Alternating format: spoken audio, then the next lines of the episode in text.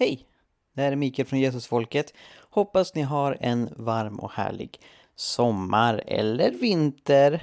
Om ni lyssnar på detta i framtiden hoppas er vinter är varm och härlig och solig. Och hoppas att ni är redo på debatt. Eller ja, debatt eller debatt. Det ni ska få höra på idag är ett samtal som jag hade med ateisten Johan Hell och även om det bitvis är ganska mycket debatt så var tonen saklig och respektfull och en hel del av det gick ut på att eh, svara på frågor, främst från min sida. Vi pratade om mirakler och huruvida man kan med hjälp av vetenskap belägga att de faktiskt finns. Det är ju det som jag argumenterar för i min bok Dokumenterade mirakler som Johan inte har läst, men han har läst om den. Han har stött på mig på nätet och han är övertygad om att mirakler inte existerar, att allting som sker har en naturlig förklaring. Och ni kommer få höra när jag ifrågasätter hur han kan vara så säker på det. Eh, vi pratade om eh, eh, Mohammeds påstådda resa till månen och huruvida det är en analogi för kristna mirakler som Jesu uppståndelse. Vi pratade om varför inte alla blir helade. Vi täcker en hel del i den här debatten och om du inte har läst Dokumenterade mirakler så är nu en bra tid att passa på att införskaffa den, låna på bibliotek, kanske lyssna på ljudbok. Den finns på Storytel, bland annat om du redan har Storytel så kan du lyssna på den utan någon extra kostnad. Eh, och apropå böcker så har jag skrivit en till. Och den här gången så är det en roman.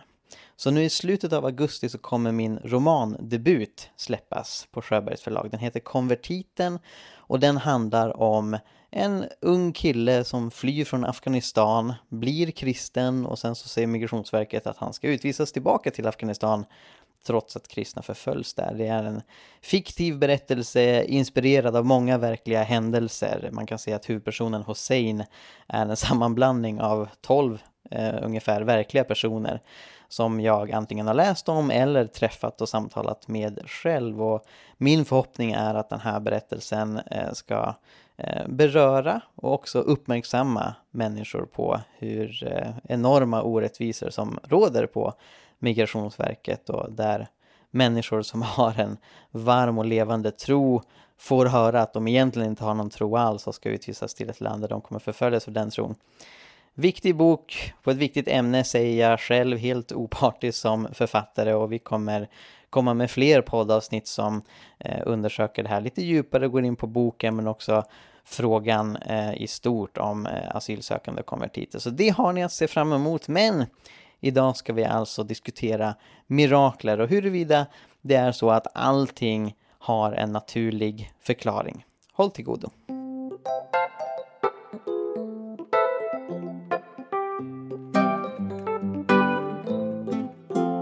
Ska jag vara den intervjuande? Okej, okay, intervju.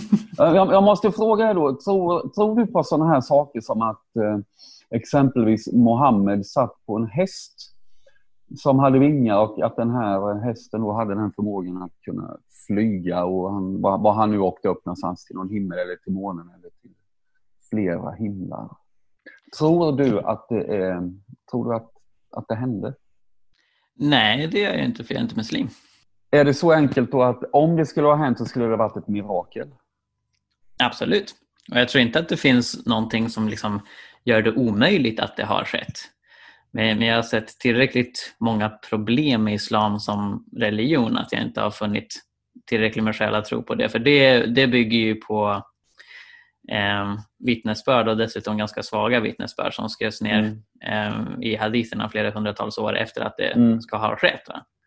Så, så jag har liksom ingen tillräcklig anledning att tro att det historiskt har hänt samtidigt som jag inte heller har någon anledning att tro att det skulle vara fysiskt omöjligt att ett sådant mirakel skedde. Inte fysiskt omöjligt? Nej, men jag tror mirakel kan ske. Ja, jag fattar inte. Det, det blir liksom flera svar som är både ja och nej. Du tror inte att det har hänt för att du inte är muslim, men samtidigt så tror du att det kan vara möjligt. Ja, absolut. Vilket är det? Nej, men det, det går väl inte mot varandra.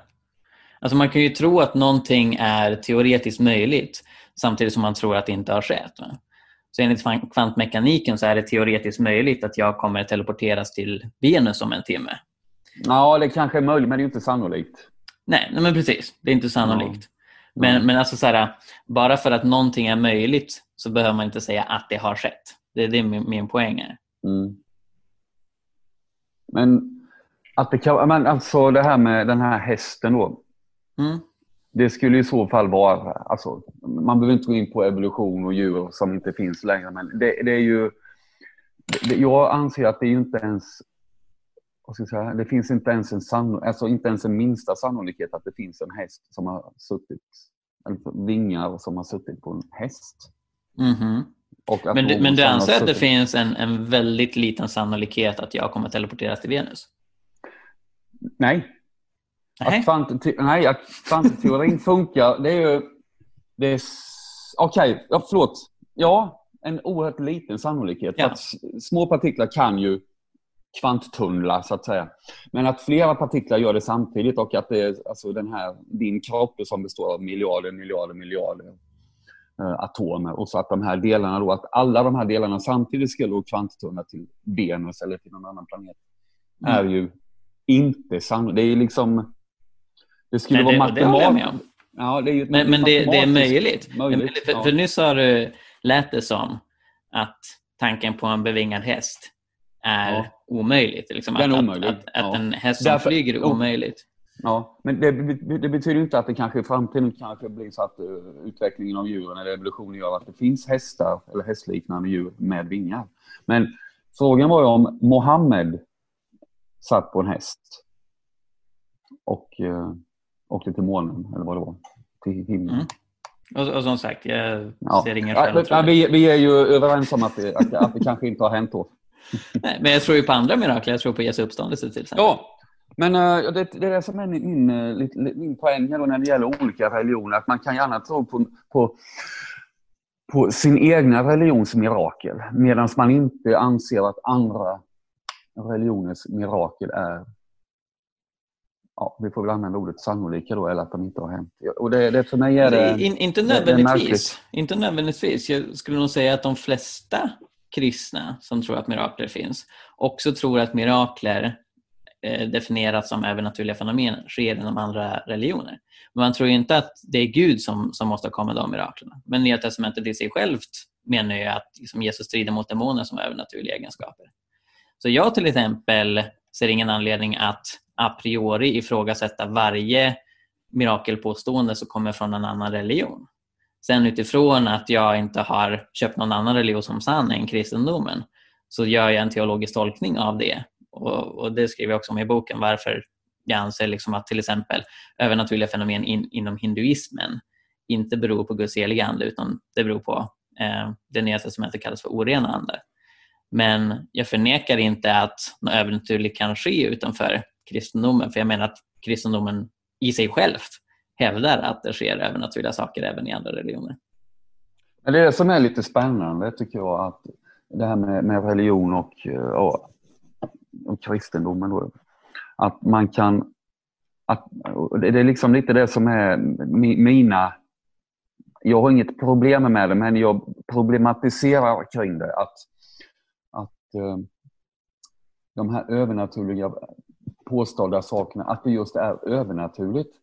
Det, det, är ju någonting som vi människor tolkar in i att någonting har hänt. Och du har skrivit din bok som jag har läst bråkdelar av.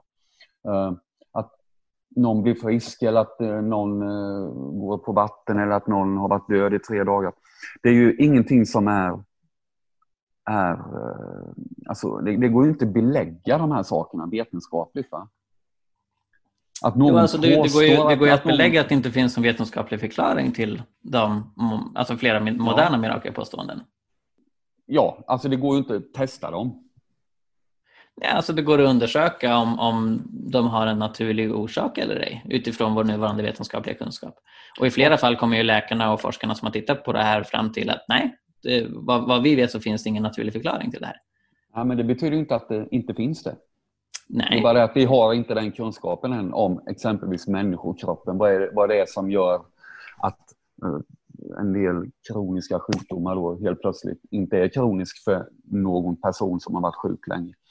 Ja, men här, här kommer din tro in i spelet. Nej, det är inte min tro. Det är, det är ett förhållningssätt till... Vi, vi anser, alltså frågar man människan på stan här ute nu, hur mycket vet vi om hur, hur människokroppen fungerar? Eller hur, mycket, hur långt har vi kommit i, i vår för, eh, säga, förklaring eller eh, beskrivning av hur hela kroppen fungerar? Då säger de flesta att vi har kommit jättelångt. Och det har man ju om man jämför med hur det såg ut för hundratals år sedan eller kanske tusen år sedan eller för eh, många tusen år sedan. Man visste på den tiden att hoppade man ner för ett berg så slog man ihjäl sig eller man bröt benet. Och så kunde man efter ett tag så att ja, kanske man kan läka det här genom att ja, spjälka ben eller gipsa eller vad man gjorde på den här tiden. Och allt eftersom åren har gått, allt eftersom läkarvetenskapen eller biologin eller, och kemin har kommit framåt så har vi lärt oss jätte, jätte, jättemycket om kroppen jämfört med vad man kunde från början.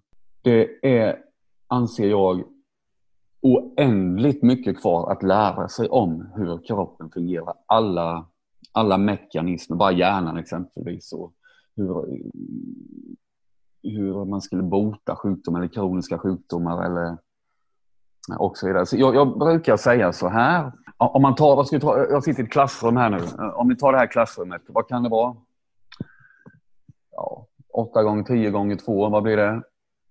Kanske 160 kubikmeter luft här inne. Jag tror att um, om, om det motsvarar den totala människans vad ska vi kalla det, um, funktioner och så vidare. Så har vi kanske lärt oss, jag vet inte vad, en kubikdecimeter. Och det tycker vi är jättemycket. För att vi, vi kan ju förklara mycket. Vi kan ju bota många människor, många sjukdomar och många tillstånd. Och så här. Men det är en alltså, oändlig bit kvar. Ja, men lyssna lite. Det är en oändlig bit kvar. Va? Ja. Mm. Vi, vi vet ju så lite. va? Jo, men precis. Alltså, det jag menar med din tro är att din övertygelse är att resten av alla dessa kubikcentimeter luft eh, innehåller inte något övernaturligt överhuvudtaget utan att det bara finns natur där. Även när det gäller allt det vi inte vet. Så det jag pekar på är tillfrisknanden som är vetenskapligt oförklarliga utifrån vår nuvarande kunskap. Din övertygelse är att det finns naturliga orsaker till dem som vi ännu inte upptäckt. Och det kan du tro om du vill, för vi har religionsfrihet. Men det är, är inte bevisat per definition. Det är inte bevisat. Och min argumentation, alltså Dokumenterade mirakler är främst en filosofisk bok. Så, så mitt, mitt, filosofiska argument går ut på att även om det är teoretiskt möjligt att allt vetenskapligt oförklarligt har naturliga orsaker som vi inte upptäckt, så är det osannolikt.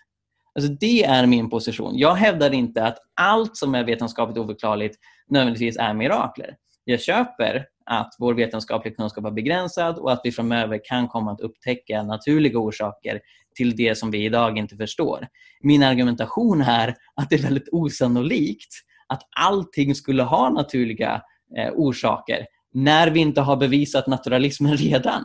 Jag menar naturalismen skulle ha ett mycket starkare case om det inte var så att vi hade massa oförklarliga fenomen överallt. Va?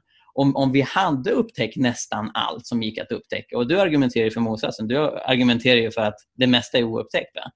Då hade jag förstått att du var naturalist och liksom sett dig bekvämt och säga ja, men den sista procenten som vi inte upptäckt, det är förmodligen natur också. Men utifrån hur du beskriver det, att den absoluta majoriteten som pågår i den här världen är oförklarlig för oss, så, så tycker jag att det är så dogmatiskt och naivt att hävda att allting av det här oupptäckta definitivt har naturliga orsaker och att det inte finns något övernaturligt överhuvudtaget. Jag menar, vad var det som gjorde att du nådde den slutsatsen om du nu är övertygad om att det finns så mycket som vi inte ens har upptäckt? Jo, men det är ju bara att titta bakåt. Det är det som är grejen med religion, att det, det har ju alltid funnits... Alltså religion för mig är en förklaringsmodell för hur världen är skapad och um, varför världen är här och att uh, för många människor då så fyller det kanske ett mål.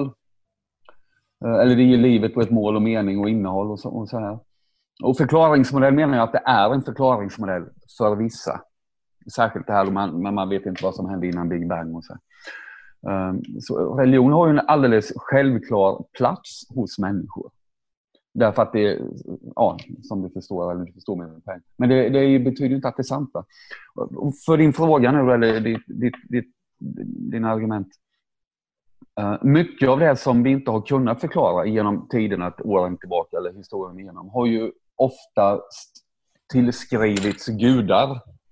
Men sen eh, har ju de här, eh, man har ju levt i en, någon sorts okunskap. Man vet inte varför det blixtrar exempelvis eller varför det åskar. Så då har man gett, eh, nu är det ju mytologi eller nordisk mytologi, men då har man ju gett det förklaringsmodeller som är, ja, de är plausibla tycker man. Det måste ju vara så för att då vill ingen annan har ju kunnat bevisa att det inte är så.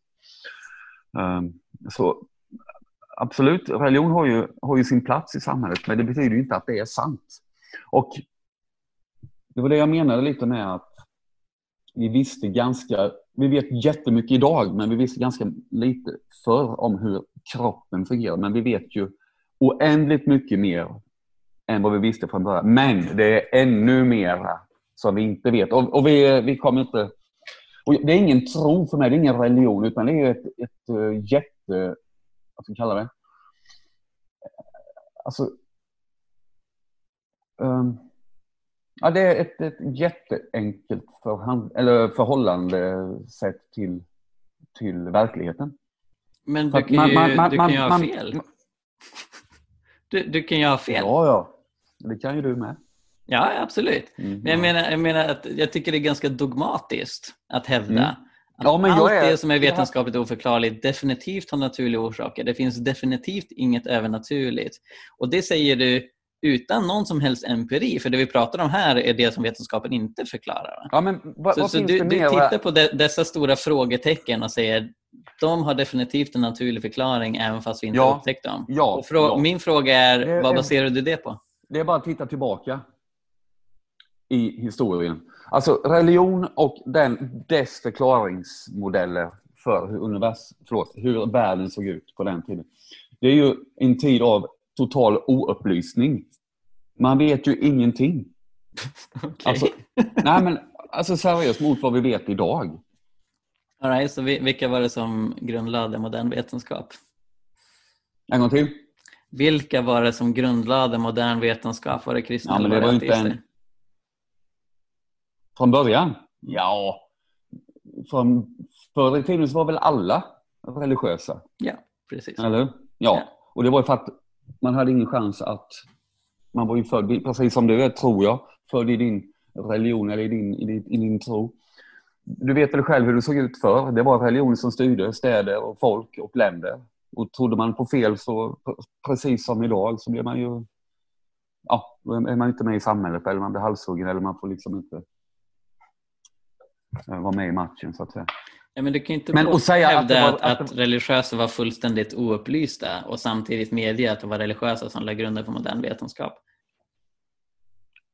Nu var du snabb en gång till. Jag har lite dålig anslutning.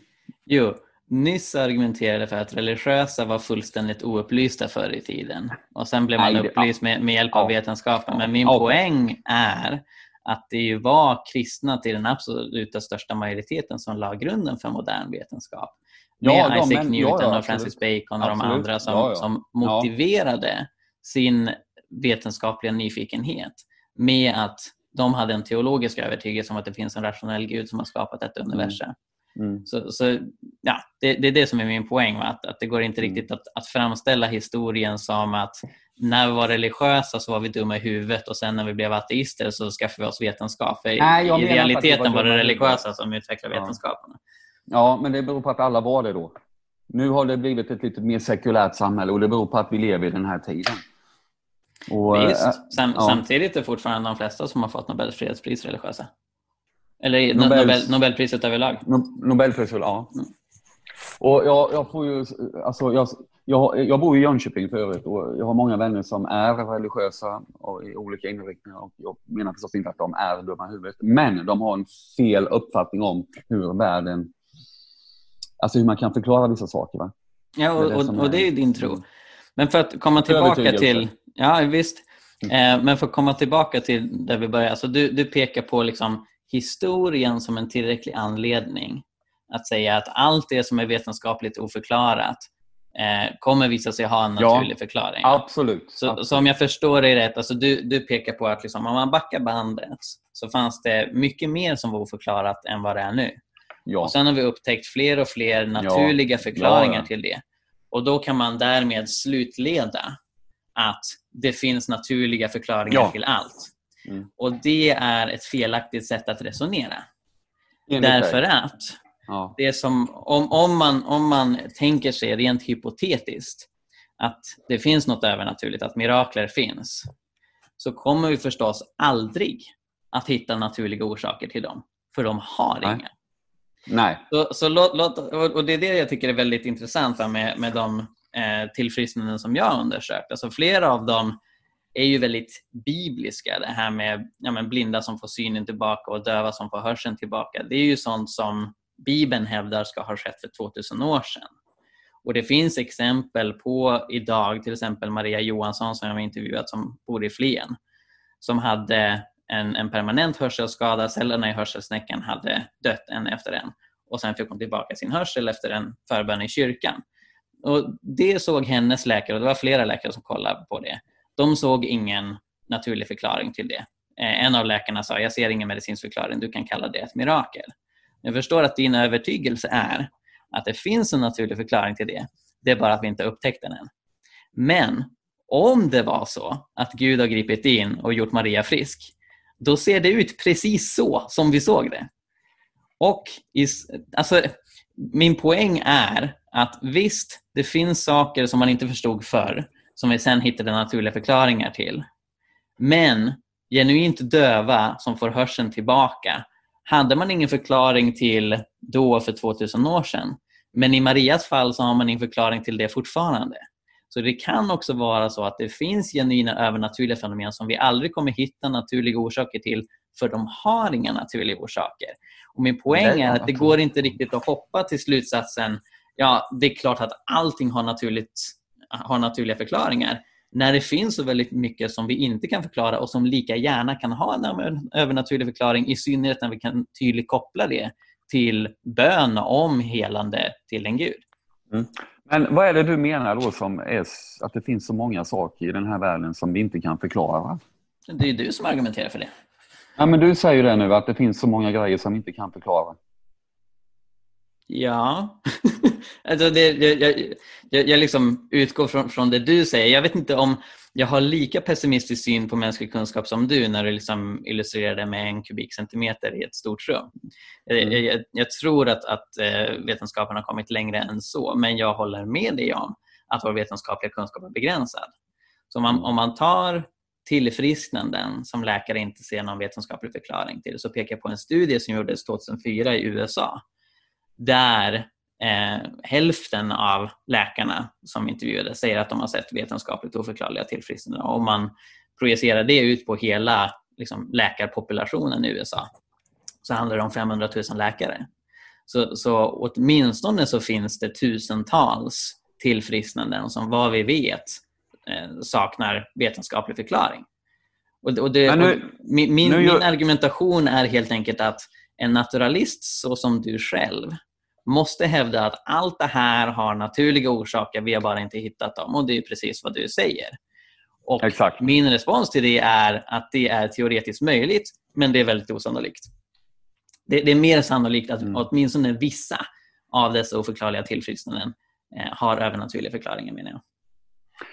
Men de ligger, de här, all, de här oförklarliga tillfrisknandena, de ligger oftast så, alltså det, det blir så ogripbart. Det är liksom, na, är det ett mirakel eller, eller är det inte ett mirakel? Att en läkare eller två läkare eller ett sjukhus säger att ah, vi kan inte förklara hur den här människan blev frisk eller varför hon började höra eller varför ryggen blev rak eller vad det nu är.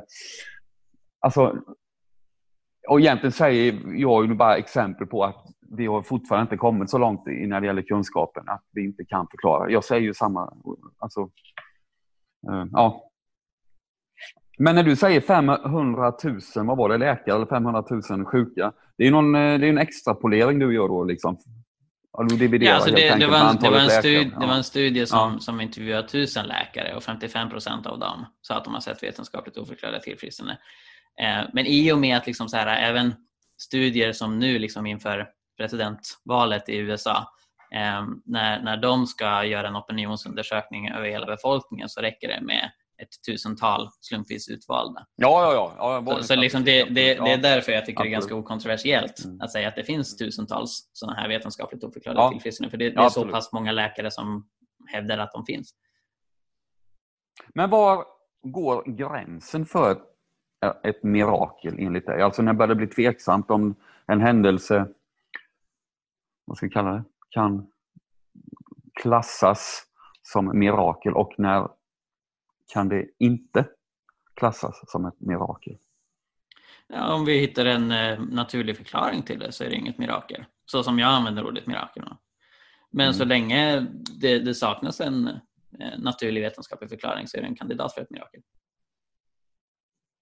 Ja, men då skiljer vi oss åt så att du tror att du stannar där. Ja, vi vet inte och då är det nästan per automatik ett mirakel. Medan det, är, jag det är inte att, det jag hävdar Johan. Det är inte det jag hävdar. jo, Nej, det är faktiskt inte det. ah, ah, men okej. Mm. Det, det är faktiskt inte in- det. Alltså, en, en person som redan är troende och redan tror att det är mirakler kommer förstås ha mycket lättare och mycket snabbare att säga okej, det var ett mirakel när de ser något som saknar vetenskaplig förklaring. Ja, jag med. Men i den här diskussionen så nöjer jag mig med att säga att det är teoretiskt möjligt att alla vetenskapligt oförklarliga tillfrisknanden har naturliga förklaringar. Men jag menar att det är osannolikt. Och jag anger flera olika skäl till det.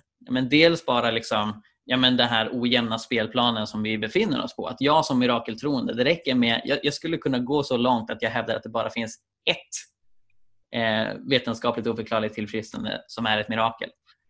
Och i så fall finns mirakler. Och sen har jag en väldigt stor spännvidd så jag kan argumentera för Absolut. nej men det kanske är hälften eller det kanske är en tredjedel eller ja, tre fjärdedelar och så vidare. Jag har ett väldigt stort spektrum jag kan röra mig på. Jag, jag behöver bara nöja mig med att säga att ja, det finns åtminstone något eh, oförklarligt tillfrisknande som är ett mirakel. Men en naturalist har inte ett sådant spelrum utan måste gå till eh, den enda positionen på skalan som naturalismen tillåter, vilket är just att alla vetenskapligt oförklarliga tillfrisknanden har naturliga förklaringar. Så, så om Ja. spelplanen är obalanserad från början, och jag beskriver det som en, som en uppförsbacke som naturalismen behöver ta sig upp. Men naturalismen kan ta sig upp den uppförsbacken om man ger bilen som åker på denna uppförsbacke en tillräckligt stark motor. Alltså om man argumenterar för att eh, det mest sannolika är att det finns naturliga förklaringar till dessa vetenskapligt oförklarliga fenomen Ja, men, av den ja, och den och den anledningen. Eh, sen har jag inte stött på något särskilt övertygande argument för varför det skulle vara så. Men alltså, det är så naturalisten måste göra för att, för att bära det. Men sen finns det ytterligare problem. En sak som man måste också ha i åtanke det är att dessa vetenskapligt oförklarliga tillfrisknanden som vi ser, eh, de ser väldigt olika ut. Så det handlar inte bara liksom om några få sjukdomar som vi, vi ser spontana tillfrisknanden från, utan det finns en enorm mångfald. Och det sänker sannolikheten att det finns naturliga förklaringar till allt det här. Därför att det är svårare liksom att argumentera för att det finns massvis med okända naturliga processer snarare än att reducera till några få. Och sen ytterligare en aspekt som man också behöver ha i åtanke det är att flera av dessa vetenskapligt oförklarliga tillfrisknanden som sker i samband med bön sker också i samband med att personerna i fråga har andliga upplevelser. Och det är ju någonting som naturalister normalt eh, inte ja, men, betraktas som särskilt övertygande. Saker som att man hör Guds röst eller man ser en ängel eller, eller något annat sånt där. Det, det brukar man vanligtvis avfärda som ja, men det är hallucinationer eller inbildningar eller hittepå och så vidare. Men när det kombineras med tillfrisknanden som vi vet saknar vetenskaplig förklaring, då stretchar det ut naturalismen ännu mer. Så ett exempel som jag ger i boken, en kille som heter Jens Sjöström som eh, bor uppe i Umeå och är fotbollsspelare där. Han drabbades av en hjärnskada, vårdades på neurorehab på Norrlands universitetssjukhus, men blev frisk tio månader efter att han hade insjuknat helt plötsligt. Inget konstigt. Och det, det, det var samma dag som, som hans vän Lydia hade blivit övertygad. Hon upplevde att Gud talat till henne eh, om att Jens skulle bli frisk den dagen. Så hon hade smsat till honom på morgonen och sa kom till kyrkan så, så blir du helad. Men Jens kunde inte komma så han var inte ens där. Hon bad för honom klockan halv fyra på eftermiddagen att han skulle bli frisk och han blev frisk klockan halv fyra på eftermiddagen. Så det visade sig sen när de träffades att i precis samma ögonblick när hon hade bett så hade han blivit frisk. Och det i sig är osannolikt och osannolikheter händer. Så jag förstår att du som naturalist, liksom, om man bara tittar på det i ren isolation, inte behandlar det som något slags eh, ja, men, no något som fullständigt förgör din världsbild. Men ja, ha i åtanke nu, att läkarna mm. såg ingen vetenskaplig förklaring till detta nej, tillfrisknande. Okej, okay. men då kan man ju liksom tänka så här nu då. Han hade väl varit under behandling i tio månader? Mm. Mm. Och sen är det ju så att hjärnan är väl det man vet minst om, funktioner och hur det funkar. Jo, men dessa läkares övertygelse var att han aldrig skulle bli frisk och, och de förbättringar som, som möjligtvis kunde mm. ske skulle ta väldigt lång tid. Eh, så, så när, när, när, han, när han sen kontaktade dem och meddelade att, att han hade blivit frisk så trodde de inte på honom. Nej, så men, det, det, det, var en, det var en process att ja. få honom friskförklarad på grund av att de inte kunde se hur det ens var möjligt att nej, men, nej, nej, men jag, jag, tycker inte att den här stora variationen på olika sjukdomar, det, det, det, det jävar ju ingen det jävar ju liksom inte det här gudsbegreppet eller att det skulle vara liksom några mirakel. Ehm, den här hjärnskadan och den här Jens, alltså alla de här exemplen, det är ju hela tiden så att du, du uttrycker det så här att läkarna vet inte vad det var som hände. Mm. Det betyder ju inte, alltså, då är ju genast den här naturliga förklaringsmodellen för, för dig och, och, och andra religiösa som, som vill tro på sånt här. Direkt att ett mirakel har skett. Medan jag då säger att det är ganska osannolikt, får väl uttrycka mig på det sättet. Det är mera sannolikt att att uh, den här hjärnan, och, alltså helt enkelt då, under tio månader, behövde tio månader för att bli frisk, eller ja, så att den, att den kan funka som vanligt. Jag, jag, jag, jag köper liksom inte det här med att den här lyder. Hävdar du det då inte Johan har bättre koll på Jens tillfrisknande än till. de Hävdar du dig då inte ha bättre koll på Jens tillfrisknande än de fem specialistläkare som faktiskt vårdade honom? Mm, ja, ja, du har en, en jättefin poäng. Men det innebär att de här fem specialisterna har varit och tittat på honom i, i tio månader och försökt att få honom att bli okej. Okay. Jag vet inte hur de har gjort, om de har tagit på blod det, eller om de har varit inne och opererat. Eller, för, men, men, absolut. Alltså, Johan, jag, okay. ingen, jag, jag, men lyssna, jag, jag, jag, vet, jag vet att du inte är en hjärnforskare, absolut. Grejen är att jag har ju tagit del av Jens journaler. Så jag har ju satt mig in i dessa tillfrisknanden. Och det läkarna konstaterade väldigt snabbt var att Jens kommer inte bli frisk från den här hjärnskadan. Och sen så gick vård, att... vården gick ut på att han skulle anpassa sig till de rådande förhållanden. Men, men liksom un, under den här tio månaders perioden, ända fram till han blev frisk i februari 2014, så var han tvungen att sova 12 timmar varje natt.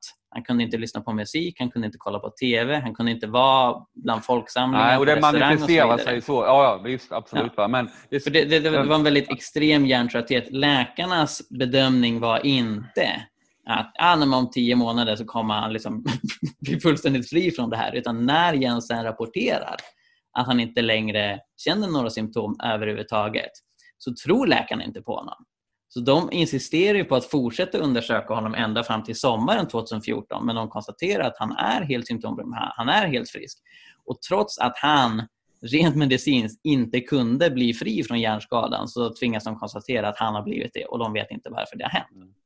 Så, så det var vad som hände. Sen kan du som naturalist hävda att ja. ja. men det måste finnas en naturlig förklaring någonstans. Ja, det, det gör jag också. Bara, det bara slumpade sig att det var exakt ja. samtidigt som när Lydia bad för honom. Min respons ja, till det, Jag Johan, tror inte att det ligger till på det sättet heller. Min, men okay. min respons till det är att visst, det är teoretiskt möjligt att något extremt osannolikt skedde men som var fullständigt naturligt. Uh, jag vet inte om du hör mig nu, men nu stannade bilden här. Okej. Okay. Ja, jag ser också att din bild har stannat, men jag kan höra ja. dig. Spännande. Eh, vi kan pröva att, eh, pröva att stänga ner min kamera så kanske uppkopplingen blir lite bättre. Du hör mig fortfarande? Va? Det verkar inte så.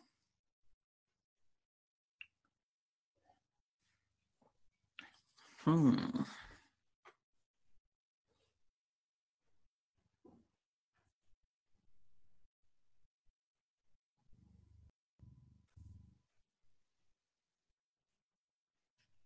Nu ska vi se. Hallå? Ja, nu ska vi se. Nu har jag ingen bild här. Jag råkade trycka på något. Um, close. Nej. Vad fan får jag igång det här nu då? close. Där är du igen. Tack. Hej! All right. Ja, det är tekniken.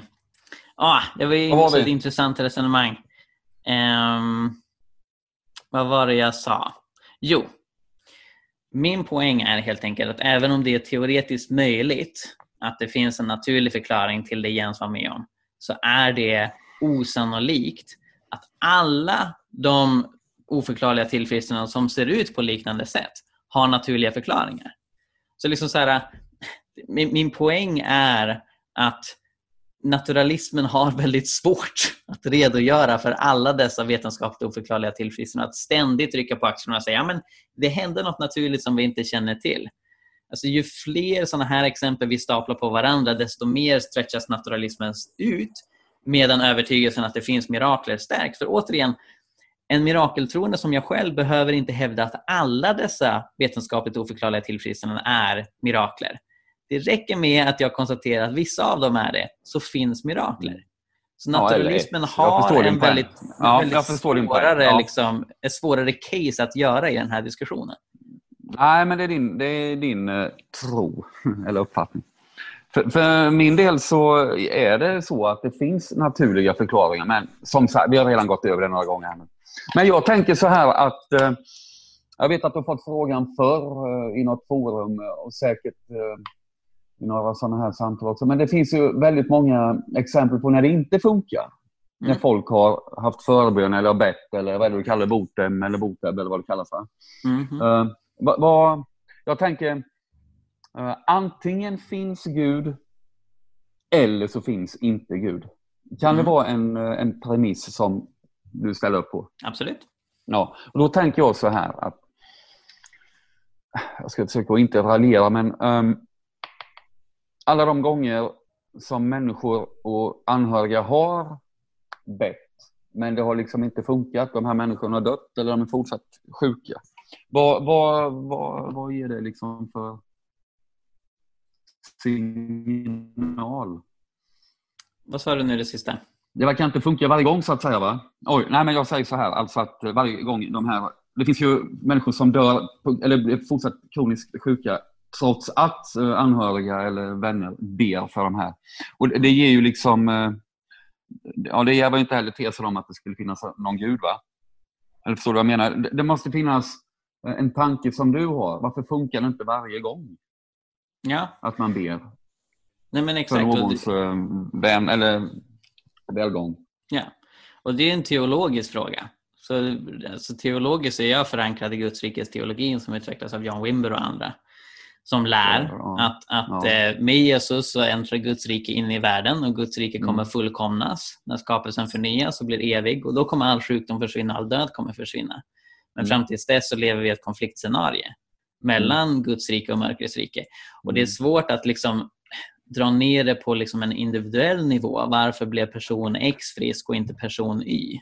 Ja, men X Men, blev men rent, rent principiellt så, så pågår det en strid och en kamp mellan andliga makter. Och, och människor involverat i det där. Och det är ett resultat av att, att vi lever i en värld med frihet, med varelser, både mänskliga och andliga, som, som har möjlighet att göra ont och möjlighet att göra gott. Eh, Men det bibliska Men- löftet är att, att alla kommer bli friska, så även de som var kroniskt Mm. sjuka på jorden kommer leva i evighet tillsammans med Gud om de väljer att göra Ja, det. Ja. Men det är ju sånt där som vi inte vet någonting om. Uh, alltså... Och det här är ingenting man kan läsa om. Jag menar, eller så här ska jag säga. Det känns som att, du, du nämnde någon snubbe här nu som har liksom eh, förklarat det där. Det är ju den här typiska, vad är det heter? Heter? Ad hoc. Alltså man, man anpassar sin, eh, sin förklaring så att det passar eh, ens hypotes eller vad man ska... Ja, du vet vad jag menar. Nej, vänta nu Johan, vänta nu Johan. din invändning här, varför blir inte alla helade, är en teologisk invändning. Så det, det, är en teologisk fråga som du ger dig in på. Och då är det inte så konstigt att jag ger ett teologiskt svar och hänvisar till en teolog. Har vi något tekniskt problem igen kanske? Ja, som ni hör så drabbades vi av lite tekniska problem, men vi lyckades eh, bota upp Zoom igen och fortsätta samtalet någorlunda där vi var. Det blir ett litet hopp i tankegången, men det hoppas jag att ni har överseende med.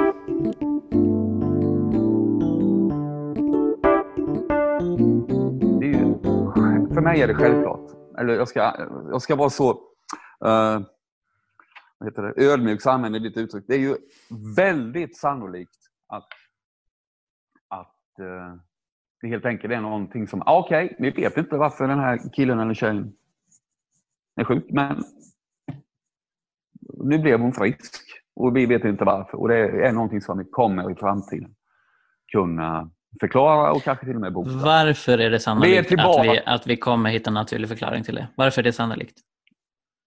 Ja, återigen, vi, vi drog den innan. Därför att det, om vi snackar sjukvården eller läkarvetenskapen eller kunskapen om hur kroppen funkar. Det, vi, man bryter ju mark egentligen varje dag. Det är folk som sliter, eller som jobbar med det här. Man försöker helt enkelt det är så mycket som vi inte vet. Det är så många sjukdomar, det är så mycket funktioner i kroppen som man inte vet hur det funkar eller varför det funkar eller varför det inte funkar. Så man, man, man jobbar, man, man kan kalla det att man forskar på det, alltså grundforskning. Hur funkar kroppen? Va? Det är klart att vi kommer dit ändå. Det är alldeles, alldeles för mig självklart. Och jag, jag tycker att, eh, jag säger det med ödmjukhet, um, det är lite det kanske är fel ord, men det är lite för ment att säga nej, vi kommer inte dit, eller det är väldigt osannolikt att vi kommer dit. Eh, utan att det är då en intervention då med, med högre makter. Det, det är liksom eh, det, det, är, det är statistik, det är människans otillräcklighet, okunskap. Jag säger det igen, vi tror att vi vet så mycket om kroppen, men vi vet så lite. Och kroppen är väl det som vi vet minst om här i universum. Va? Vi vet ju mer om hur det ser ut på andra galaxer, eller i andra galaxer än vad vi vet exempelvis hur hjärnan funkar. Va? Och sådär. Så jag, jag, jag tycker det är... Men du, låt mig ge dig en liknelse Johan. Absolut. Säg, säg, att det finns en person som är övertygad om att eh, all civilisation som existerar är orsakad av människor. Okej? Okay? Vänta lite. Ja, men det, låt, låt, låt, låt, oss bara köra med det här teoretiska ja, jag, jag tankeexperimentet. Bara, jag ska bara få in det i huvudet. Säg det en gång till. Måste, säga, låt oss säga att det finns en person som är övertygad om att all civilisation i universum är orsakad av människor. Och låt oss säga att vi åker och vi har upptäckt hur man reser mellan olika solsystem och så åker vi till ett annat solsystem och så ser vi ruinerna från en civilisation. Ja. Och då hävdar då en, en person som, som då har den här övertygelsen, vi kan kalla den för humanist, även om det ordet används på andra sätt också. Men denna humanist tror att all, all civilisation som existerar är mänsklig. Så den här humanisten säger att ja, men den här, de här ruinerna på den här planeten eh, är ju förstås orsakad av eh, människor som tidigare har åkt hit. Och så frågar de andra astronauterna, men hur kan du veta det? Det kan ju lika gärna bero på en utomjordisk civilisation. Skulle då denna så kallade humanist ha ett tillräckligt starkt case genom att peka på ja men kolla på vår historia bakåt på jorden.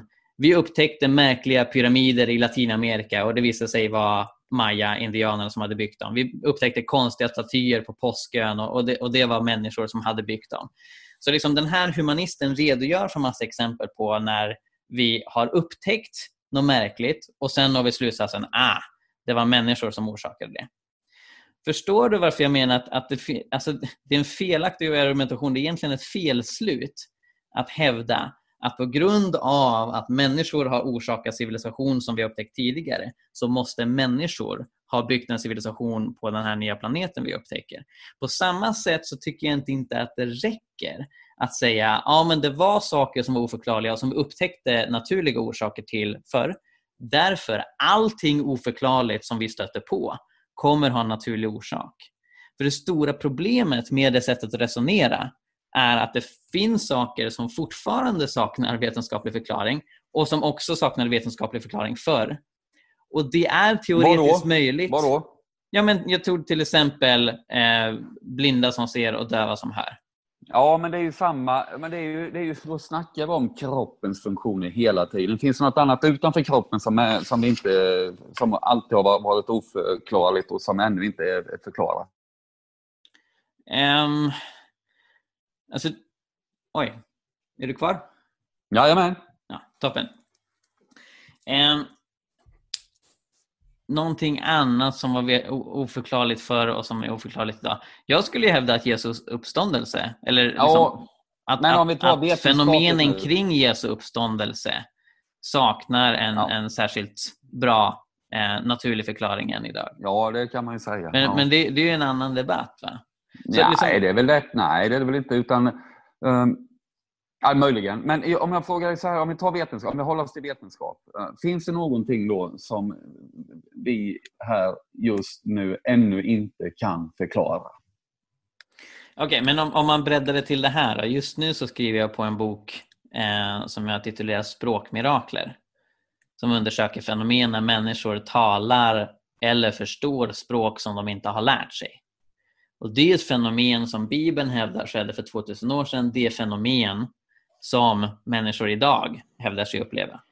Som till exempel Rickard Lundgren som eh, leder Gå ut mission. Han hävdar sig kunna albanska, inte för att han har studerat det utan för att Gud har gett honom. Ja, Eh. men det, det får ju stå för honom. Det, det, sånt där, jag blir inte imponerad det minsta. Det, man vet inte, vad hette han? Jansson? Rickard Lundgren. Ja, men- ja, ja förlåt. Nej, man kan hävda precis vad man vill. Han kan ha legat på kammaren och läsa arabiska, eller vad var det, Eh, albanska i, eh, i 20 år. Det vet varken du eller jag. Vi känner inte honom. Du kanske har träffat honom. Men Jag, där, jag känner honom. Han, Ja. han började med detta när han var 18 år och åkte till Albanien som missionär. Och jag har Ja, pratat men med folk som, som träffade honom då och kan intyga att han pratade ren albanska. Ja, ja, ja, men det, det finns ju sådana här savanter. och Liksom, och det räcker med att de sätter sig på... Ja, ja, du förstår vad jag menar. Sätter sig i ett land så kan han. Jag har en, en kompis, hon är för övrigt Jehovas vittne, ehm, eh, som eh, jag tror hon kan sju språk.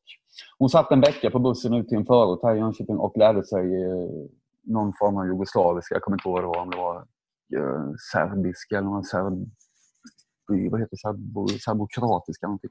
Så man, man, man kan ju vara ett geni. Va?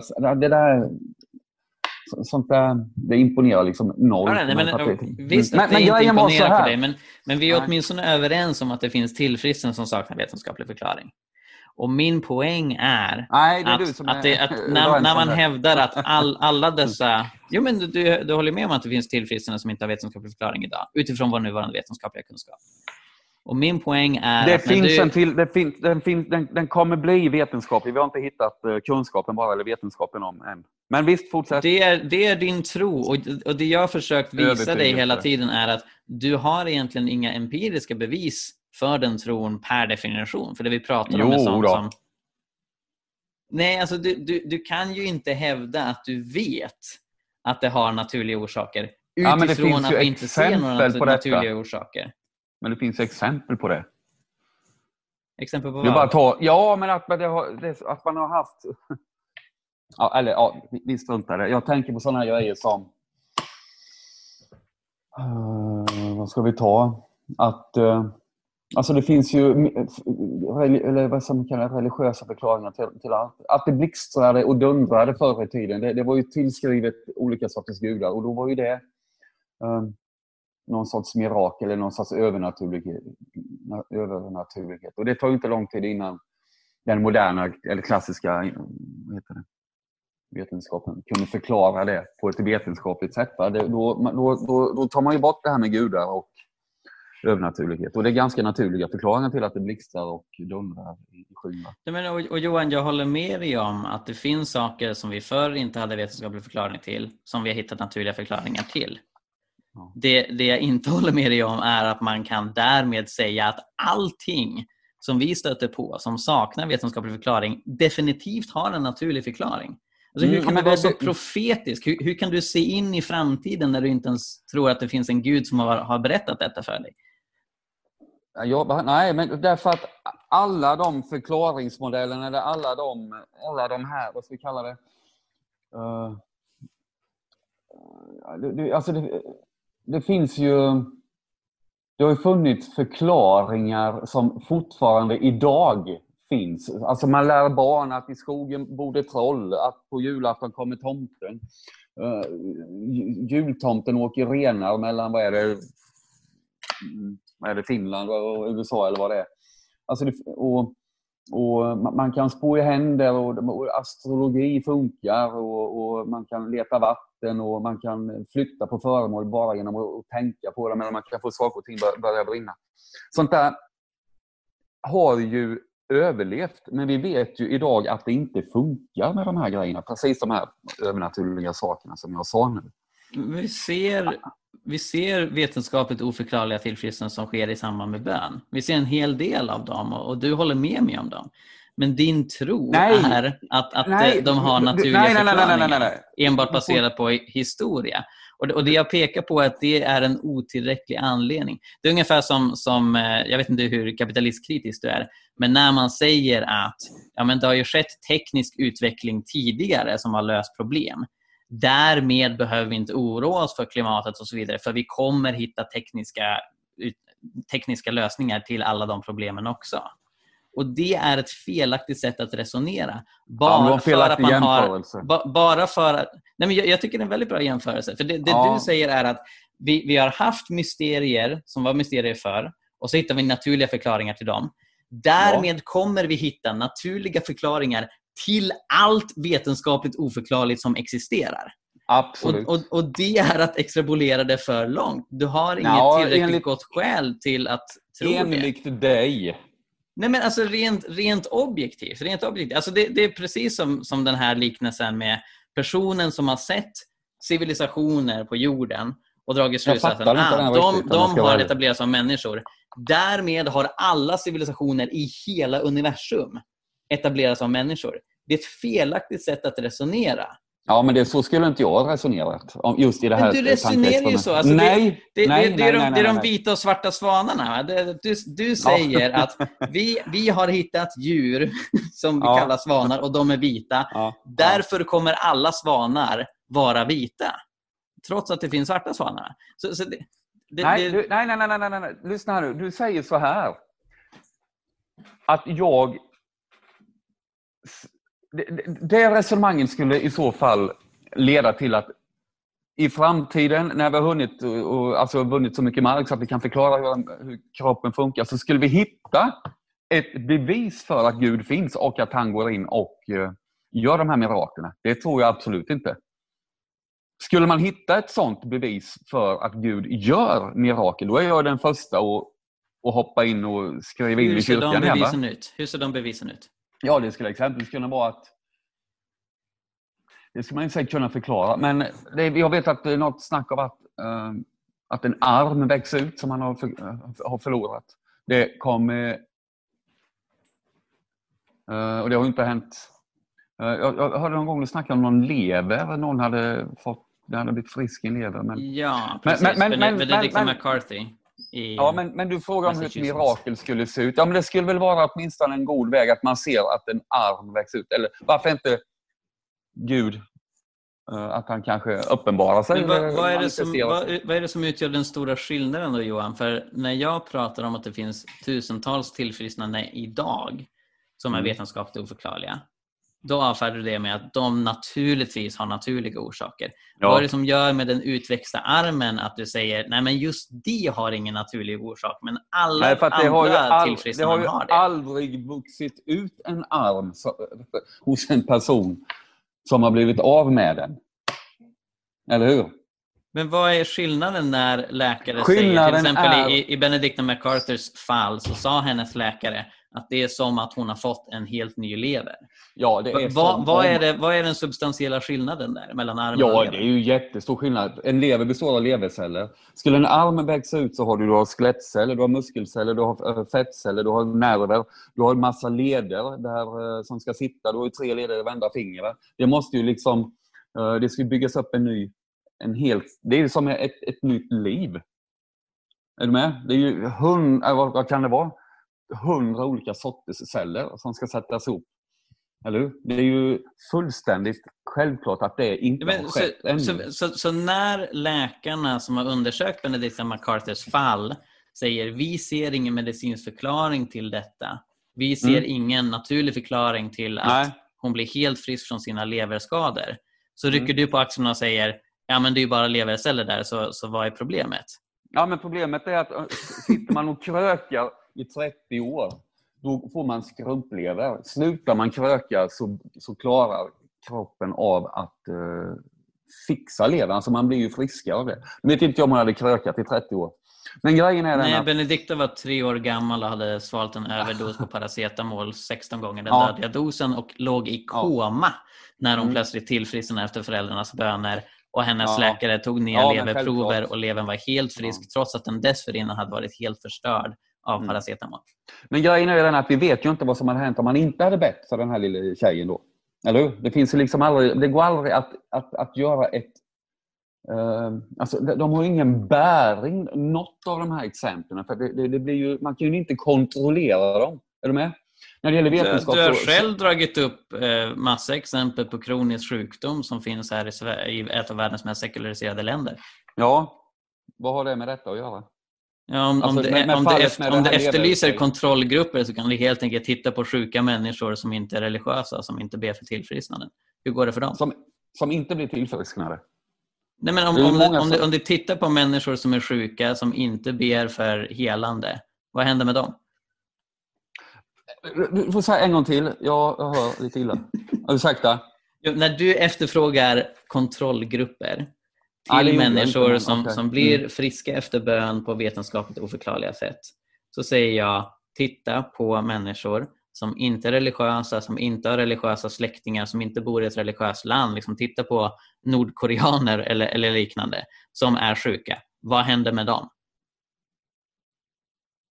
De blir ju friska i samma takt som de som är religiösa såklart. Hur vet du det? ja, du säger då att du vet att det inte är så, eller? Nej, alltså det, det jag pekar på när du efterfrågar kontrollgrupper så säger jag att de kontrollgrupperna Nej, kan men jag- undersökas. Men jag känner inte till de bönestudier som har gjorts i Nordkorea. Så jag kan inte Nej, heller svara på det. Nej, men, men- min men poäng är att det inte är omöjligt att hitta kontrollgrupper till de fenomen som vi pratar om. Min poäng är att det i varje enskilt fall inte går att veta vad som hade hänt om man inte hade bett för den här personen. Ja, Det håller jag med om. Precis.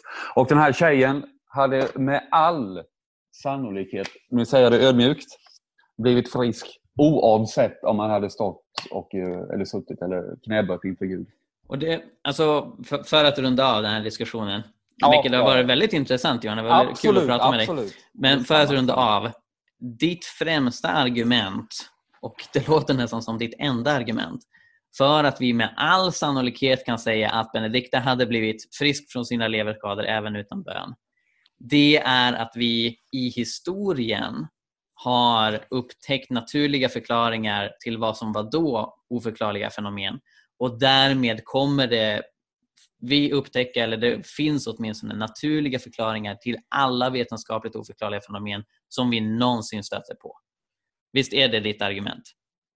Mitt argument är att den här tjejen, om hon kanske kan eh, representera hela min inställning till det här, um, hade blivit frisk oavsett om man hade bett eller inte. Det är, ju, hon, hon Det, ju, det är inte ett argument Johan, det är din hållning. Jo, är Vad är argumentet för det?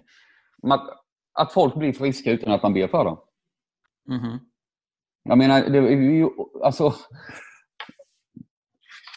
Jag tror jag, jag läste någonstans att eh, varje år så är det 13 miljoner läkarbesök i det här landet. 600 000 eh, operationer. Nu har det blivit lite mindre. Ett, ett mindre antal med det här med pandemin. Eh, eh, det är klart att det är en bråkdel av de här som blir bädda för. Men stora flertalet blir ju friska för att det är en läkare som har läst på högskolan och vet hur kroppen funkar. Men det, det vi gör- pratar om Johan, det är inte Ja, det naturliga blir tillfrisknande som har vetenskaplig Nej, förklaring, utan vi pratar om det som saknar vetenskaplig Ja, förklaring. men du verkar som, det verkar som att du vill det till att fler en större andel av de som vi bäddar för, vad säger man, som man ber för, blir friska än de som man inte ber för. Är det, är det din hållning? Min hållning är som sagt att jag, jag, förstår inte varför man ska hävda att alla vetenskapligt oförklarliga tillfrisknanden har naturliga förklaringar. Jag, jag, jag, inte, jag, tycker inte att du har presenterat ett tillräckligt bra argument för att ha oh, den naturalistiska hållningen. Och, och så länge Därför... det inte är så, så länge det inte är så att alla vetenskapligt oförklarliga tillfrisknanden har naturliga förklaringar, så finns ju övernaturliga förklaringar. Så det finns inget mellantillstånd mellan naturligt och övernaturligt. Nej, du är snabb Utan i så fall finns ju mirakel. Ja, men nej, du är snabb på att dra den slutsatsen. Det är ju... Det är, nej. Slutsatsen borde vara, eller ska vara enligt mig, kategoriken här, att vi vet inte hur det funkar. Det är bara att tänka tillbaka innan man visste hur penicillin funkade. Va? Då dog ju folk som flugor för att man visste inte vad det var som gjorde att, att, eh, att man eh, blev dålig och dog. Då hjälpte inga böner. Man dog ju ändå. Men så har läkarvetenskapen, just i det här fallet, då, vem det var, vad han hette, han som kom på den här penicillin. Då har ju, alltså, kunskapen går ju framåt hela tiden och då visste man inte varför man dog. Och nu vet man inte varför folk inte blir friska från sina kroniska sjukdomar. För man vet inte vad det är som gör att de blir kroniskt sjuka en del. Men så fort man vet det, i framtiden, så kommer man då kunna förklara detta vetenskapligt. Vi har inte kunskapen helt enkelt. Ja, nej, men det, det, är väldigt tydligt Johan att det är din tro, men jag håller inte med. Min övertygelse. Ja. All right, jag tror vi ska avrunda här. Men som sagt, tack så jättemycket för det här samtalet. Ja, jättetrevligt. jättetrevligt. Jag tycker vi kan ha lite kontakt på, vad heter det? Messenger. Där är du igen. Mm. På Messenger. Jajamän. bara säga hej ibland. Ja, gött. Jättefint. Tack så mycket för det här. Over and out. Yes, ha det bra.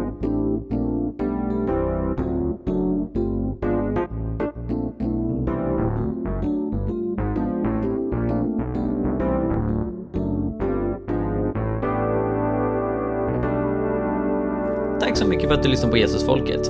Om du vill höra mer så se till att prenumerera på iTunes, Spotify eller valfri podcastapp. Du kan också lämna en recension, vilket är en eh, liten grej att göra som hjälper oss väldigt, väldigt mycket, så det uppskattar vi verkligen. Eh, du kan också läsa vår blogg, Hela Pingsten. Vi har mängder med artiklar där om andens gåvor, evangelisation, fred, rättvisa och allt möjligt annat som har med lärjungaskap att göra, så kolla in det. Och vi finns på sociala medier, du kan följa både Jesusfolket och hela pingsten på till exempel Facebook. Tack så mycket, Gud välsigne dig och eh, fortsätt vara en del av Jesusfolket.